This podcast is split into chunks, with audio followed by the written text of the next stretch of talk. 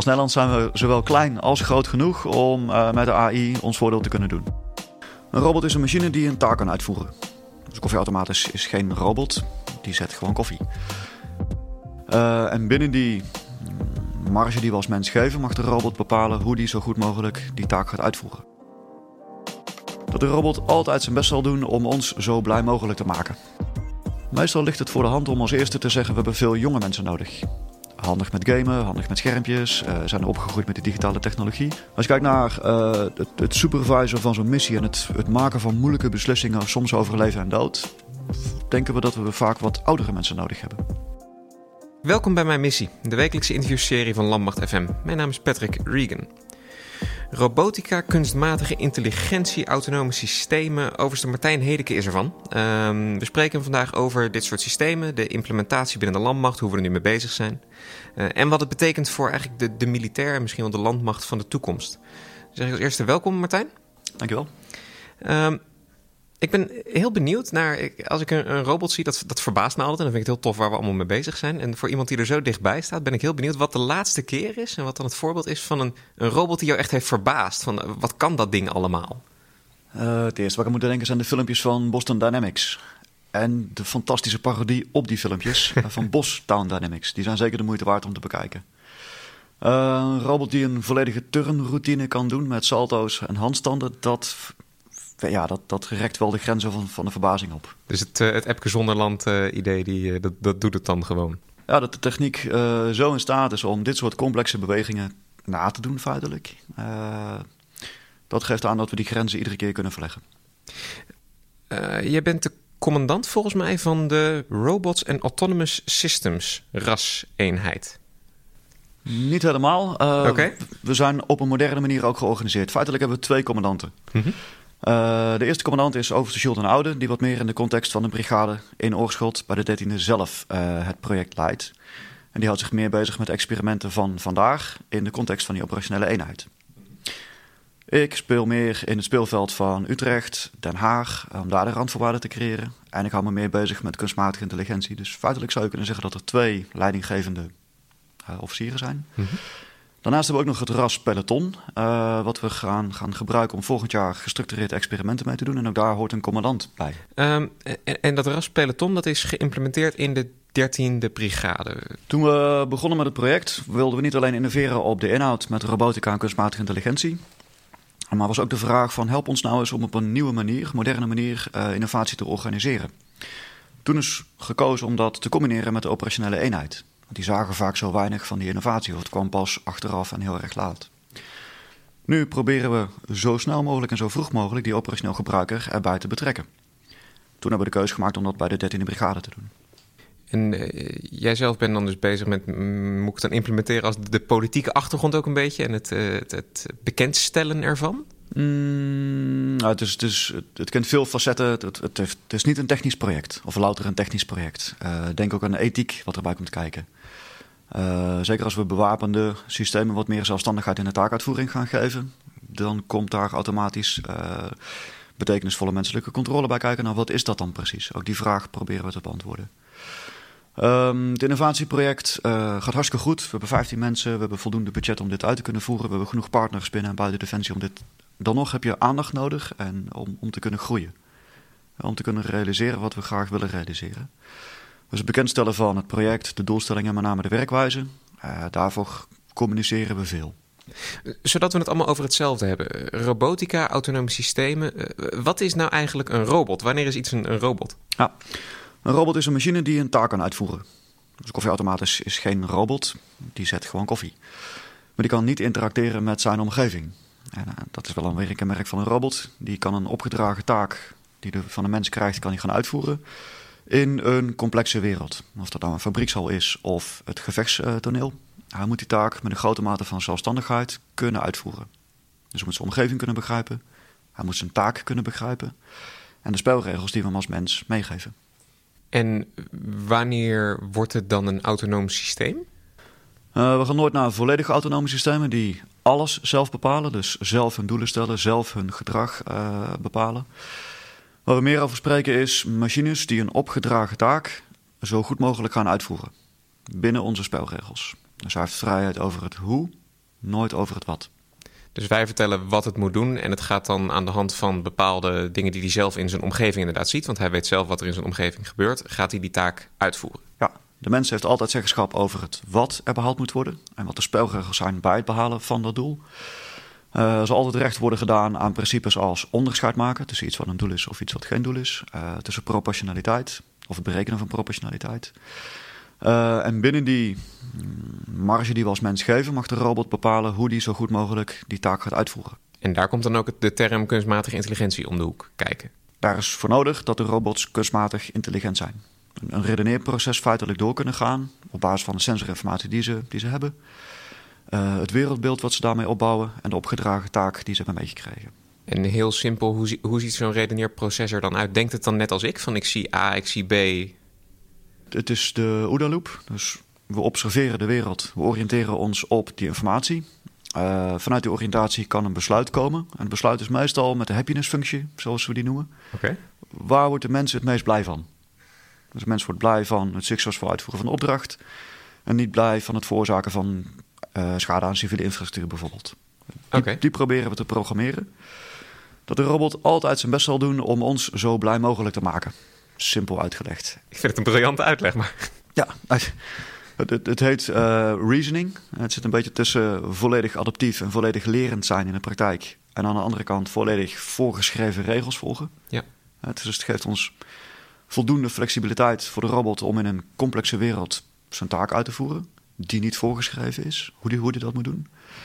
Maar ook niet uh, de black box met learning. Ja, we weten niet wat hij leert. En dat zou tot onvoorspelbaar ongewenst gedrag komen. Je kan tegen hem zeggen, als het ware, de mens wordt niet blij van uh, nevenschade. Dan kunnen we exact een, uh, een strafpunt feitelijk aangeven, zodat dat gedrag uitgebannen is. Ja. Versterkt ook nog een keer door de hardcoded regels, dat er te alle tijden voldoende onderscheid gemaakt moet worden. Juist, juist. Misschien is het belangrijk om te zeggen dat we het zover nog niet zijn. Dus dit zit in de research fase. Onder andere dat, dit doen we met, uh, met onze wetenschapspartner met TNO. Mm -hmm. Uh, en dit is complexe materie. Dit is niet morgen klaar. Dus we doen daar gedegen onderzoek naar. Niet alleen het reasoning proces. ook de, welke technologie past daar dan bij. Ik ga straks ook nog vragen van waar, waar gaat een landmacht naartoe en wanneer zien we dit geïmplementeerd worden. Maar ik neem dus aan dat met deze context, pas als dit heel goed staat en als we 100% zeker weten dat dit werkt, dat is echt een voorwaarde om dit te implementeren. Ja, zeker die zelfstandigheid van die machines, uh, dat kan alleen maar als we ze vertrouwen. En als wij ze vertrouwen als militair en als breder de politiek en de samenleving er ook vertrouwen in heeft dat we dit voldoende veilig, met voldoende betekenisvolle controle kunnen doen. R robotica als geheel, waarom zijn wij daarmee bezig? Ja, dat was ook de eerste vraag die ik stelde aan de opdrachtgever. Uh, stafklas strategie en plannen. Ik sta te popelen om aan de slag te gaan met die robots. Fantastisch. Maar welk probleem moet ik eigenlijk oplossen voor de organisatie? Als, als ik dat beter weet, als we daar beter uh, onderzoek naar hebben gedaan, dan kan ik uh, beter innoveren. Dan weet ik namelijk wat ik moet gaan oplossen. Er bleek een aantal problemen te zijn. Eén was het risico verminderen voor de militair. Mm -hmm.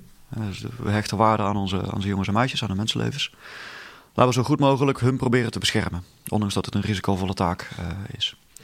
Laat dan de robots maar uh, het risicovolle werk doen.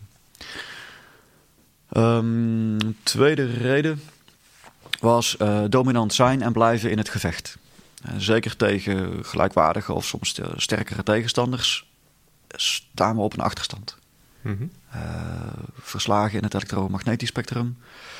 Met jamming en met GPS-spoofing is dat een zware uitdaging. Uh, met een aantal sensor-to-shooters, wat bijvoorbeeld het Russische leger heeft, heeft geïnvesteerd, staan we voor een grote uitdaging. Um, wetende dat we een vrijwilligersleger hebben, moeten we, of kunnen we het niet langer hebben van grote aantallen jongens en meisjes. Dus meer is voor ons geen optie. Beter kan wel. Dus beter met meer onbemande systemen, zodat die mensen niet alleen veiliger kunnen werken, maar ook meer gevechtskracht kunnen organiseren. Uh, met gelijkblijvend personeel aantal. Dan zijn we in staat om meer gevechtskracht te organiseren. Dus dat is eigenlijk de, de drivers. Mensen, de mensen die je hebt worden efficiënter misschien. Ja, we krijgen gewoon niet meer mensen erbij. Hoe hard we ook trekken aan die arbeidsmarkt. Uh, die concurrentie die, die is gewoon lastig, die gaan we niet winnen. En die trend is dalende. Het aantal uh, jongens en meisjes wat beschikbaar is voor ons en wat geschikt is voor ons. Dan past een andere manier van gevechtskracht creëren. Uh, en dat zit voor mij dan in de onbemande systemen. Je zei jongens en meisjes die geschikt zijn voor ons. Um, dit soort onbemande systemen en uh, dit implementeren in de landmacht betekent ook dat je iets anders verwacht van een militair, denk ik. Moet dat dan een soort IT'er worden? Ja, uh, nou je hoopt graag op onbemande systemen, maar ieder systeem wat we nu invoeren uh, kost sowieso twee bedienaars. Dus ze zijn vandaag de dag voeren ze onbemand een taak uit, maar er staan gewoon twee operators aan de controller. Evenzo staan er uh, de technici, de programmeurs, de software developers. Die worden vele malen belangrijker. Een hele keten staat er eigenlijk achter om die robots zijn taak te kunnen laten uitvoeren. Dat is ook een van de redenen waarom we naar meer autonomie willen. Uh, dat die, ja, die personeelsextensieve oplossingen daadwerkelijk kunnen gaan gebeuren. En dat we met, uh, waar we nu bijvoorbeeld twee mensen nodig hebben om één drone of robot te bedienen, dat we straks die twee mensen twintig robots kunnen laten bedienen. En dan ga je wat meer naar een supervisorrol. Dus nu is het nog allemaal remote control. Straks veel meer het monitoren van de uitvoering. Nou, wat voor soort mensen heb je dan nodig? Meestal ligt het voor de hand om als eerste te zeggen: we hebben veel jonge mensen nodig. Handig met gamen, handig met schermpjes, uh, zijn opgegroeid met de digitale technologie. Kunnen ze een controller goed bedienen? En, en dat is ook waar. Uh, dat, dat, dat, klopt allemaal. Als je kijkt naar uh, het, het supervisor van zo'n missie en het, het maken van moeilijke beslissingen, soms over leven en dood, denken we dat we vaak wat oudere mensen nodig hebben. Uh, omdat die toch het een en ander meegemaakt vaak hebben in hun leven. Uh, misschien jonge kinderen hebben en wat beter in het leven staan om volwassen deze keuzes te kunnen maken. Zeker bij die, uh, die keuzes waar meer autonomie aan een machine gegeven moet worden. Jullie zijn eigenlijk bezig met zaken waarvan je helemaal nog niet weet wat er allemaal kan. Dus je bent inderdaad een, je weet wat voor behoefte je aan het vullen bent. Maar hoe je die op de beste manier kan, kan vullen, weet je nog niet. Dus je staat heel erg aan de voorkant van ja, de technologische ontwikkeling eigenlijk. Ja, dat is ook de kern van innoveren. Als je het al weet, heb je een behoeftestelling. Vanuit een goed probleem waar je de oplossing nog niet weet, uh, noodzaak dat tot samenwerken. Tot anders naar de materie kijken. Om andere manieren te vinden die we vandaag nog niet zien. En dan raak je de kern van innoveren. En heel uh, theoretisch, en, uh, hoe doen wij dat innoveren nu? Want je zei inderdaad, we werken samen met TNO, we werken samen met universiteiten. Uh, binnen de Landmacht zijn we met CDNE, met Concept Development and Experimentation, georganiseerd voor het wat innoveren. Mm -hmm. Dus we hadden altijd al wel de, de langdurende innovatietrajecten, dus de incrementele vervangingen. nieuw gevechtsvoertuig, nieuwe panzerhouwitser, et cetera. En we hadden altijd wetenschappelijk onderzoek met onder andere TNO. Dus dat was reeds ingericht. Maar die projecten duurden allemaal 7, 8 jaar. Dus wat we eigenlijk misten was dat kortcyclische. Uh, voor een probleem dat we vandaag identificeren, graag binnen drie maanden een oplossing. Wetende ook dat uh, nou, Nederland zit niet stil. Het bedrijfsleven is, is, is, is goed ontwikkeld. Goede kennisbasis. hoogwaardige kwaliteit, ook op innovatief gebied. Laten we dat eens proberen te ontsluiten. Dus dat was de eerste reis toen we in 2016 begonnen. Ondertussen zijn we met CDN gegroeid naar dik 60 mensen. Uh, die binnen en buiten de landmacht uh, en defensie proberen dat kortcyclisch moderniseren, structureel op te zetten. Met onze partners, voor de kenniscentra van de landmacht, voor de eenheden. Uh, zodat we de innovaties, die er echt wel zijn en die echt nodig zijn, sneller naar binnen kunnen halen. Ik denk dat ook dit, dat dit wel echt een ultiem voorbeeld is van vroeger was Defensie degene die voorop liep met technologie. Hadden wij het als eerste, hadden wij het het beste. Ja. En nu zit er in het bedrijfsleven en in de civiele maatschappij zit er gewoon veel meer kennis dan dat wij ooit zullen hebben. Ja, met name op robotica en AI. Uh, daar zie je echt dat de AI is geen toekomst meer. AI transformeert bedrijven al tien jaar lang. Met name sinds de introductie van de smartphone, de hoeveelheid van data, de infrastructuur die beter wordt, de computing power die zich steeds ontwikkelt. Ja, dat is de, de drijvende kracht achter veel bedrijfsmodellen die helemaal op zijn kop hebben gestaan. Mm, ook op robotica, uh, dat doen we dan industrie 4.0. We zitten met de 13e brigade zitten we naast de Brainport. Als je de kazerne uitgaat rechtsaf, binnen een kilometer kom je bij Brainport Industries. Een supermoderne hal waar robots het werk doen. Uh, dus het is al zover. Uh, en dat geeft aan dat de technologie rijp is, ook om in onze context te onderzoeken wat het voor ons kan betekenen. Mm -hmm. Als Nederland zijn we zowel klein als groot genoeg om uh, met de AI ons voordeel te kunnen doen. Die moet ik denk ik even uitleggen. We zijn klein genoeg om uh, vanuit mezelf in één dag vanuit Den Haag, bijvoorbeeld directiebeleid, naar Oorschot te rijden. Zowel de brigade eenheden als, als Brainport. Gelukkig is Nederland zo klein dat dat gaat lukken. En dus zijn we extreem goed georganiseerd uh, om een netwerkorganisatie te zijn. En iedereen te verbinden met elkaar. We zijn groot genoeg en we hebben serieuze industrie en kennisinstellingen om dit goed, gedegen, professioneel op te pakken. Ik hoef maar naar die brainport te kijken. En daar, nou, tienduizenden, honderdduizenden mensen zijn ermee bezig om daar met AI en robotica en automotive het verschil te maken. We hebben een serieus goede industriële basis om AI in diverse domeinen toe te passen, ook in het onze. Ben je dan ook eigenlijk eh, veel bezig met echt van die jonge start-ups, zeg maar, gasten die net van een universiteit afkomen en uh, ja. Ja, op twee manieren. Vanuit die Brainport heb je een soort ecosysteem met erin hele leuke start-ups. Op drone-gebied, op kleine robots. Nou, die, we nodigen ze uit om een prototype te maken, dat uh, met ons samen te ontwikkelen. En zo snel mogelijk in de praktijk te toetsen.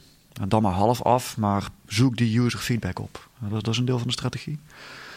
Ander deel is via Defensity College. Een fantastisch initiatief om hele kundige jonge mensen, 22, 23 jaar vaak, uh, via een korte reservistenopleiding aan ons te binden. En er komen hele mooie oplossingen uit. Dus een hele mooie zeggen, tussenoplossing tussen je als behoeftesteller, en wat, wat kan die technologie allemaal dan, dat weten wij ook niet helemaal. En aan de andere kant de industrie, ja, wat, wat doen die militairen allemaal? Wat is nou specifiek jullie behoefte? Ik snap jullie werk ook niet helemaal. Ik weet wel wat ik technisch kan maken. Nou, daartussen, met die Defense College jongens uh, aan de slag. Dat is erg leuk om te doen. Dat, dat geeft ook nieuwe energie. Dan hebben we het over uh, projecten en uh, gaan maar snel proberen. kun je wat voorbeelden noemen van zaken die nu lopen? Ja. Een van de eerste dingen die we hebben gedaan is de aanschaf van een goed onderwand grondvoertuig. Dus we hebben met twee systemen hebben we, hebben we gewerkt. Eén is de Mailrem, een rupsvoertuig uit Estland. En dat, dat is dan volwassen technologie, een bestaand uh, systeem. En die we zo snel mogelijk toegevoegd aan de bestaande eenheden van de brigade.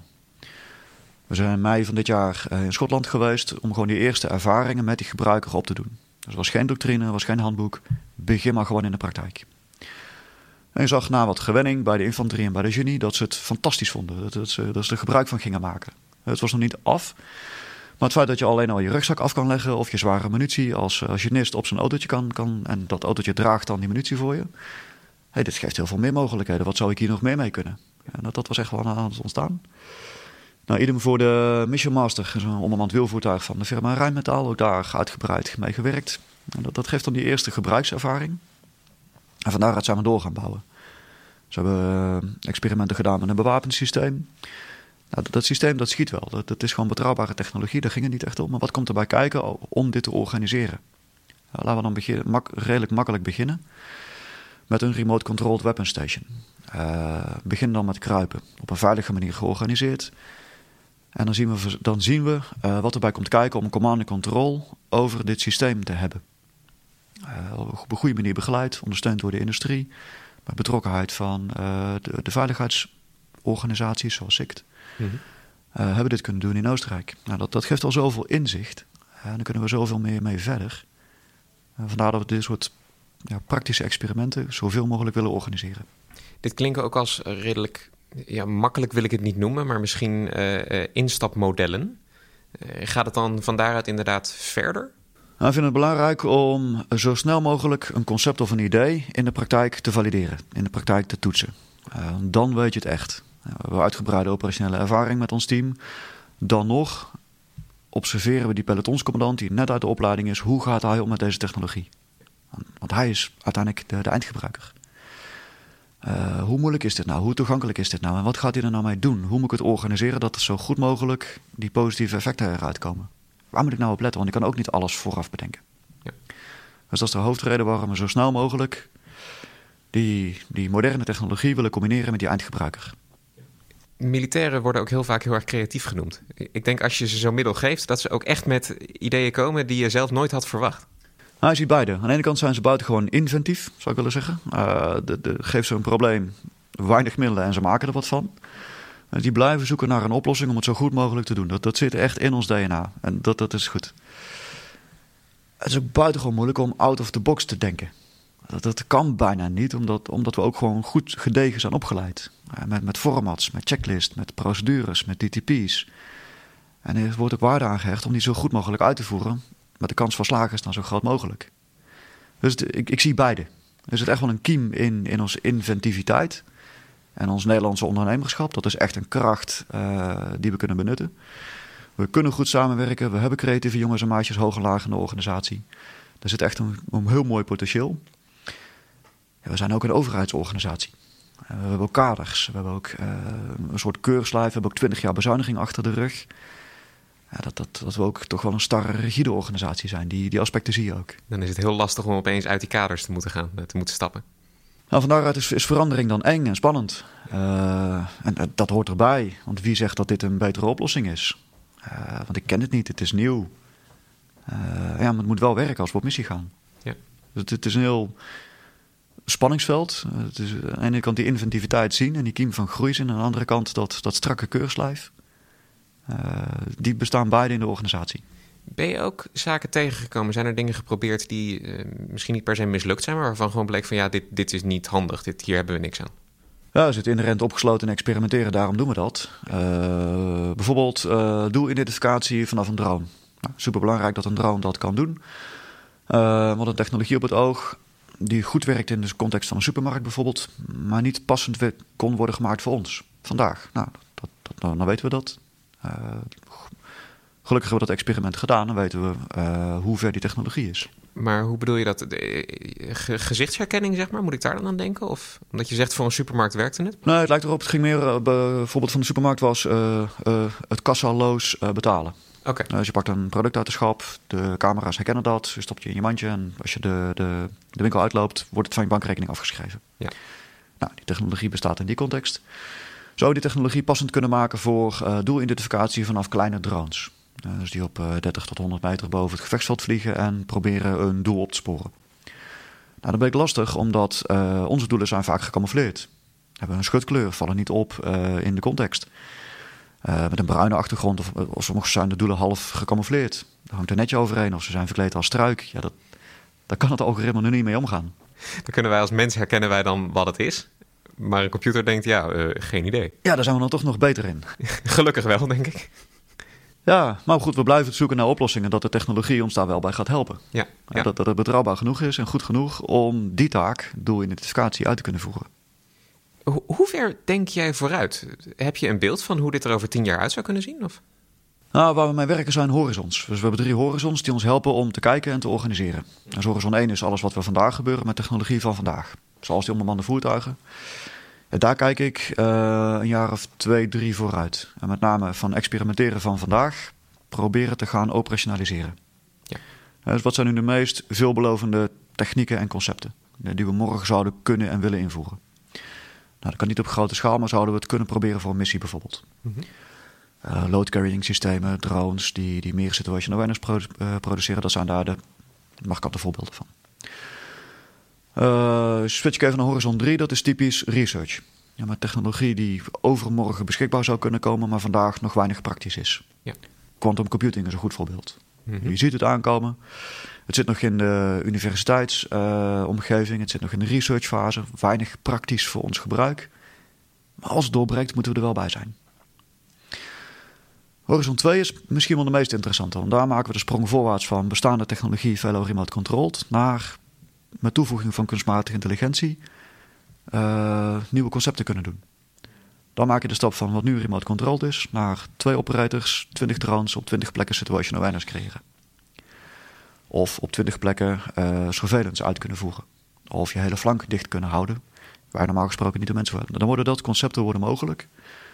Uh, en kunstmatige intelligentie is daar de grootste factor voor.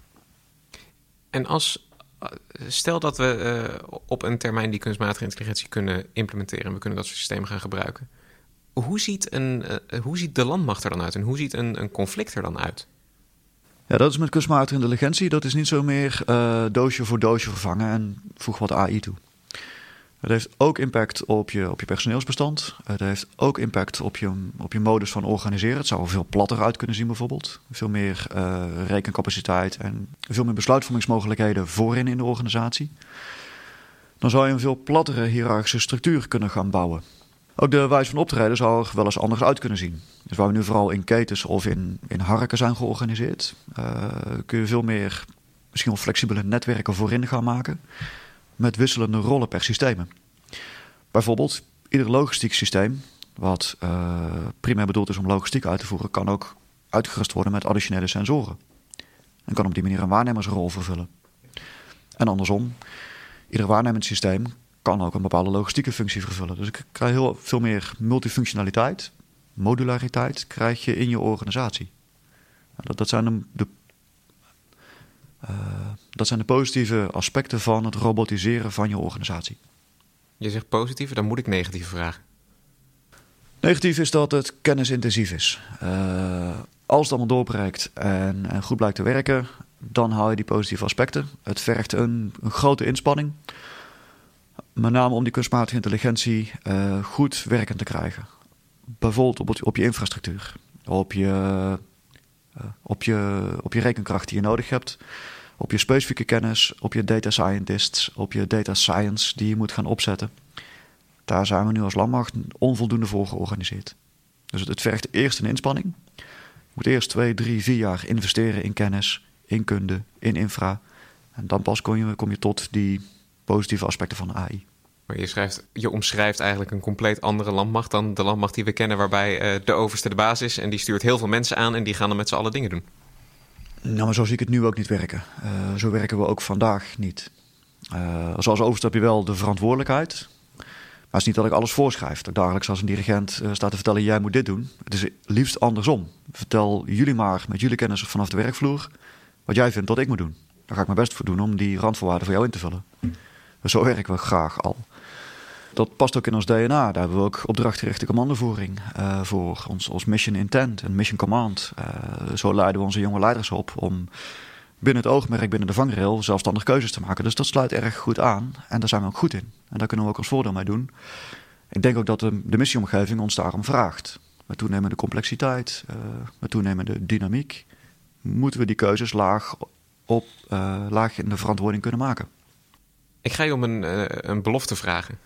Als we die tweede horizon hebben bereikt en we hebben kunstmatige intelligentie, hoop ik dat je dan terug wil komen, dat we eens terug kunnen kijken of het er ook echt zo uitziet zoals je het vandaag hebt omschreven.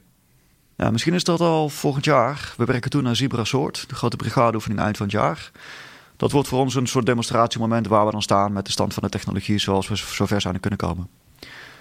En met goede hoop, zeker uh, gezien het werk wat we met Defensie College doen, wat we met het Nederlandse bedrijfsleven aan het doen zijn, dat we daar zinvolle technologie kunnen laten zien. Die ook kunstmatige intelligentie in zich heeft, uh, zodat één, de gevechtskracht wordt verhoogd. En twee, dat het verantwoord kan worden uitgevoerd. Zebra Sword is in Duitsland, hè, volgend jaar? Ja, uh, binnengebied Bergen, begin november. Uh, komen daar drie weken met de hele brigade. In een grote oefening zijn we daar aanwezig. Nou, de brigade wordt daar getraind. En we gebruiken dat, die, die context, dat decor om een voor onze relevante omgeving uh, de prestaties van de robots en het peloton, want dus altijd mensen zouden blijven betrokken, om dat te tonen. Ik hoop dat ik mag komen kijken. Je mag zeker komen kijken. En voor dit gesprek zeg ik heel erg bedankt. Graag gedaan. Onwijs bedankt voor het luisteren. Mijn gast vandaag was overste Martijn Hedeke. Ben je nou fan van de show? Help ons door een review achter te laten op Apple Podcasts of Stitcher. Of raad de show aan bij vrienden, familie, collega's. En ben je nou benieuwd naar een onderwerp dat wij echt moeten behandelen? Tweet dan met de hashtag Mijn Missie of stuur ons een bericht op Facebook of Instagram. Mijn Missie is een productie van de Koninklijke Landmacht. Nieuwe afleveringen komen iedere maandagochtend online en je vindt ze in de meeste podcastspelers. Gewoon zoeken op Mijn Missie. Abonneer je en mis geen enkele aflevering. Je volgt de Koninklijke Landmacht via Twitter, Instagram, Facebook en YouTube en check defensie.nl voor het laatste nieuws rondom de krijgsmacht. Nogmaals, onwijs bedankt voor het luisteren en tot volgende week.